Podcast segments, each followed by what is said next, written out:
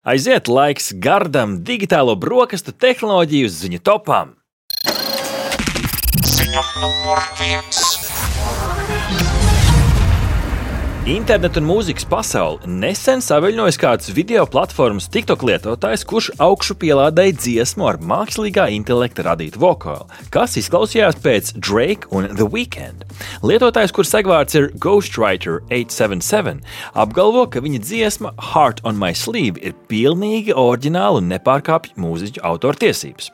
Dziesma kļuva plaši izplatīta gan TikTok, gan YouTube, un pavisam drīz arī Universal Music Group izlaida savu savu oficiālo paziņojumu par šo, bet gan nesūdzību, kas daudzos radīja tādu e, interesi un ziņkāri. Kāpēc tad tā? Attiecīgi, producenti paskaidroja, ka lielajām platformām ir jārūpējas par to, lai dažādas darbības neaizskar mūziķu intereses. Dziesma pazuda no Apple Music un Spotify, kur tās var izņemt bez gandrīz vai ne, kāda paskaidrojuma, taču YouTube un TikTok tas ir nedaudz sarežģītāk, jo uh, YouTube gadījumā Google ir jāsniedz skaidrojumu, kāpēc konkrētā dziesma ir izņemta. month. Un tad rodas jautājums, ja dziesma ir mākslīgā intelekta radīta un producentiem tā nepieder, kā tā var pārkāpt kādas tiesības? Nu, konkrētajā gadījumā producenti vērsās pie Google ar ļoti īsu un pat tādu skrupulozu sūdzību par to, ka dziesmas ievadā Metro Boomin producentu vārdu piesaukums esot viņa oriģināla īpašums, līdz ar to šo pāris sekundžu dēļ šī dziesma ir izņemama. Pēc tam gan uh, varētu šķist, ka šī dziesma varbūt pat varētu parādīties atpakaļ bez konkrētā ievada, un tad kur gan vēl varētu celt kādas sūdzības. Kā izceļ portāla The Verge redaktors Nīlais Patels, tad konkrētais gadījums patiesībā iezīmē ļoti lielu problēmu ar mākslīgo intelektu. Tas, ir, tas paliek tik labs, ka turpinoties tā attīstībai, nenoliedzami mūziķi un producenti arvien biežāk tiks nokopēti, atveidoti un par to pat nevarēs celt nekādu sūdzību. Pēc autortiesību likumiem autortiesības mūsdienās pastāv konkrētiem mākslas darbiem, taču tos nevar attiecināt uz balss skanējumu. Mākslīgā intelekta pretinieki gan skaidro, ka, lai uh, konkrēti lai gan konkrētais mākslas darbs, mākslīgais intelekts spētu iemācīties kopēt Drake, viņam būtu jāizmanto Drake dziesmas. Tātad par to, par ko varētu sūdzēties, ir tas, kādā veidā mākslīgais intelekts ir apmācīts. Un šo mēs esam redzējuši arī tajā pašā attēlu pasaulē. Rihards, mārketinga triks vai reāli producents saceļas pret mākslīgo intelektu? Nu, tu jau pieminēji tos galvenos aspektus. Nu, pirmkārt, vēl ir jāizstrādā juridiskā praksa šajā jautājumā. Visiem nav vēl tas skaidrs, kā tas, kā tas notiks. Ir skaidrs, ka ir jāsaprot, kur tad šis mākslīgais intelekts smējās iedvesmu.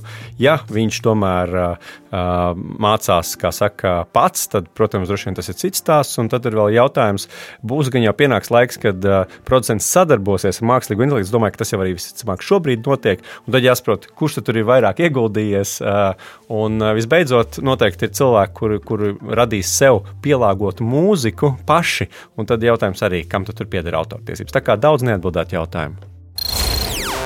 Ziņa. Degvielas uzpildes stāciju tīkls Circle K Latvijā ir atklājis vēl nebijušu degvielas uzpildes automātisku apmaksu. Reģistrējot automašīnu speciālā Easy Fuel lietotnē un pievienojot savu bankas kartu un veicot visas pārējās autorizācijas darbības, degvielas uzpildes stācijās ar esošo kameru palīdzību nolasīs klienta auto numurzīmi, sistēma apstiprinās maksājumu, aktivizēs sūkni un, kad klients būs beidzis degvielas uzpildi no bankas kartes, automātiski tiks iekasēta maksa par degvielu. Praktiski tikai jāieliek, jāieliek un dodies projām.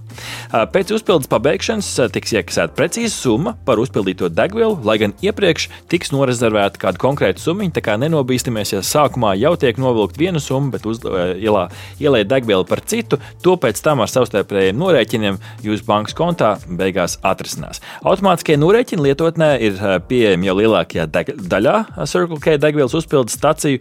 Šobrīd pakalpojums gan ir pieejams tikai privātām personām, varbūt arī vēl vēlāk būs biznesa klientiem. Un gan jau, ka Rihard arī citas degvielas uzpildes stacijas, kas mums Latvijā ir, drīzumā arī kaut ko līdzīgu ieviesīs, jo izklausās diezgan noderīgi. Jā, nu, līdzīgas sistēmas jau tiek izmantotas norēķinos par stāvvietām. Droši vien esat jau pamanījuši, ka, piemēram, nu, iebraucot Rīgas lidostā, ir iespēja norēķināt šādā veidā arī gal galā iebraucot jūrmalā. Arī šī kamera fiksē, ka esat iebraucis un attiecīgi vai uzliek sodu, vai piefiksē, ka esat nopirkuši šo caurlaidi. Ziņa numur 3. 40 jaunās valstīs, tā skaitā arī Latvijā, beidzot ir pieejams uzņēmuma Microsoft video spēļu Xbox PC Game Pass pakalpojums. Spēlētāji no Latvijas tagad no operētājas sistēmas Windows datoriem var pievienoties minētajiem Game Pass, kas ietver sevi simtiem datorspēļu, tostarp arī no spēļu studijām Bethesda, EA un Riot. Nedaudz sīkāk gan jāpaskaidro jums šie dažādie līmeņi, lai jūs saprastu, par ko tad beig beigās ir runa. Tad mums ir Xbox Live Gold, kas vienkārši ļauj baudīt spēles internetā tas konkrēti ir Xbox konsoļu īpašniekiem. Tālāk jau Xbox konsoļu īpašnieki, ja nu, visticamāk tas paradums varētu būt tāds, man gribās īsumā kaut ko ātri uzspēlēt, pamēģināt, bet visticamāk es to spēli nespēlēšu ļoti ilgu laiku, tad no, savukārt jau tas ir Xbox Game Pass risinājums, kas spēles uz īsu laiku iznomā. Šī tendence, starp citu, ir ļoti populāra, to izmanto arī Playstation tīklā. Un visbeidzot, iepriekš minētais PC Game Pass jau ir šī konkrētā Xbox tīkla pakalpojums, taču tieši konkrēti Windows datoru lietotājiem. Jā, starp citu, pēc statista datiem 2022. Eh, gada beigās Xbox spēļu tīklā bija 120 miljoni ikmēneša spēlētāju. Turpretī konkurējošajā Playstation tīklā 112 miljoni ikmēneša spēlētāju. Šeit gan runa ir par tiešsaistes spēlētājiem, neiekļaut visus tos, kuri spēles pērk un spēlē offline. Ziņa numur 4. Autoražotājs Volkswagen prezentējis tā jauno ID7 automobīli, kas ir zīmola pirmais elektriskais modelis vidējā izmēra automobīļu klasē. Attālums pēc laboratorijas testiem, ko šis auto varot veikt ar vienu uzlādi, ir līdz pat 700 km. Te gan liela piezīmīta un zvaigznīte Rihards jāieliek, ir, ka tas ir laboratorijā veikts tests, un dzīvē mēs jau braucam kā nu kurais. Ideja septiņu izniecībā nonāks rudenī. 700 km. Paskaidrosim nedaudz sīkāk. Tās, tas nobraukums, tā distance ir panākta ar aerodinamiku un ievērojamiem efektivitātes uzlabojumiem piedziņas un termālās pārvaldības jomās. Tātad optimizējam to, kas ir iekšā mašīnā, lai mazāk patērē jaudu un mazāk slodzi uz mašīnu kopumā. Savukārt uzlādes jauda, kas ietekmē to, cik ātri mēs mašīnu varam uzlādēt dažādās stacijās un vai mēs to varam darīt super ātrajās uzlādēs, šī mašīna varēs lādēt sevi ar līdz pat 200 kW lielu jaudu. ID7, ap citu, ir gandrīz 5 metrus garš. Tad tas atšķirās no pārējiem ID modeļiem, kurus mēs jau līdz šim tirgu esam redzējuši. Automobīļa jumtam aizmugurē ir tāds kupēja stils eh, eh, slīpums, un ar visu šo mašīnu būs 286 eh, zirgu spēku jaudīgas. Teikt, kopumā nu, tāds pamatīgs, jaudīgs spēk, spēktrats, kas arī jaudīgākais Volkswagen elektriskās piedziņas motors. Viņam ir visaugstāko griezes momentu, kāds līdz šim Volkswagen ID modeļos ir bijis. Tāpat kā daudz citas ID septiņu funkcijas, kuras mēs šobrīd jums neuzskaitīsim, jo pakotne ir diezgan plaša, kas ir interesanti no tehnoloģiskā aspekta. Daudz ko jau var vadīt ar balss komandām, un tiek nodrošināts, tas viss tiek nodrošināts ar jauno ID balss palīgu. Automašīnas komplektācijā ir pieejams arī braukšanas asistents, kas, piemēram, veic joslu maiņu un veic arī automašīnas parkošanos. Rihard, mūsu testos, ja mēs to parkošanos esam izmēģinājuši, es neatceros, ka šo joslu māju automašīnu veiktu pat tāds uh, nedaudz autonoms risinājums.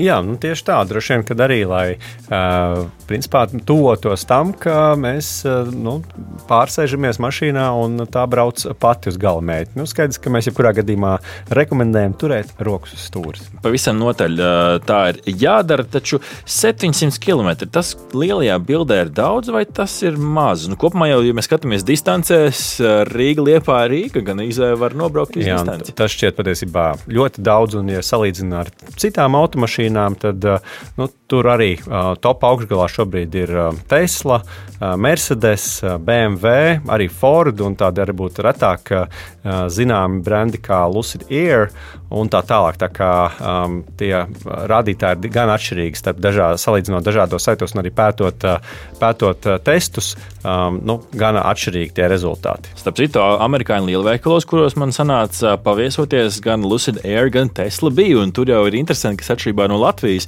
ja mēs tās automašīnas redzam varbūt kaut kur pa vidu, viņiem ir atsevišķi speciāli veikali, kur tās mašīnas ir iebrauktas iekšā, tad, tad starp pončikiem un kafiju stāv arī Lucid Air un Tesla.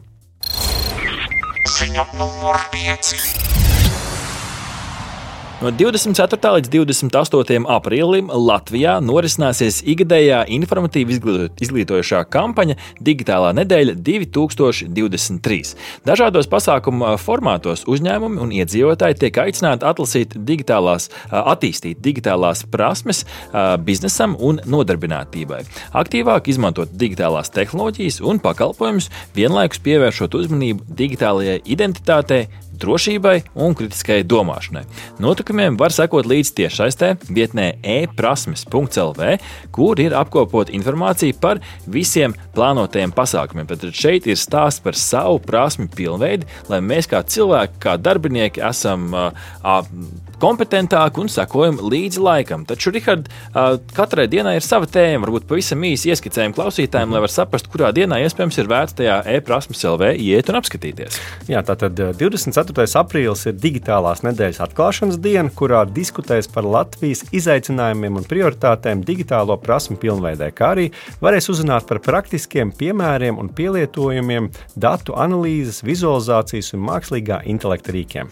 Savukārt, otrdien, 25 aprīlī, tas jau ir nākamā nedēļa, digitālie rīki un prasmes uzņēmējiem. Uzsvars uz biznesu dienu, kurā tiks veltīta uh, praktiskām atziņām, pieredzes apmaiņai, kas palīdz efektivizēt uzņēmumu ikdienas darbību, sniedzot informāciju par pieejamo atbalstu uzņēmumiem digitalizācijā. Mēs Latvijā ejam uz lielu digitālo transformāciju, lai mēs varam nu, darīt lētāk, ātrāk to, ko mēs šobrīd iespējams darām ar mūsdienu tehnoloģijām, pārāk neefektīvi. Jā, 26. aprīlis ir digitālās drošības diena, un tur tiks runāts gan par kiberdrošības jautājumiem, un tieši gan privātā, gan arī uh, uzņēmuma līmenī. Visnotaļ jautājumi, kuriem ir vērts pievērst uzmanību, ir tīpaši biznesiem un lielajām lapām, jo, kā jau mēs ziņojam, digitālajās brokastīs uzbrukumu skaits Latvijai ir svārstīgs, bet nu, diezgan, diezgan liels, un tā skaitā arī nesen, laikam, Richard, Ķīnas hakeri bija uzdarbojušies. Tā kā šo noteikti nevajag atstāt novārtā. Kas mums notiks 27. aprīlī? Ceturtdienā, 27. aprīlī,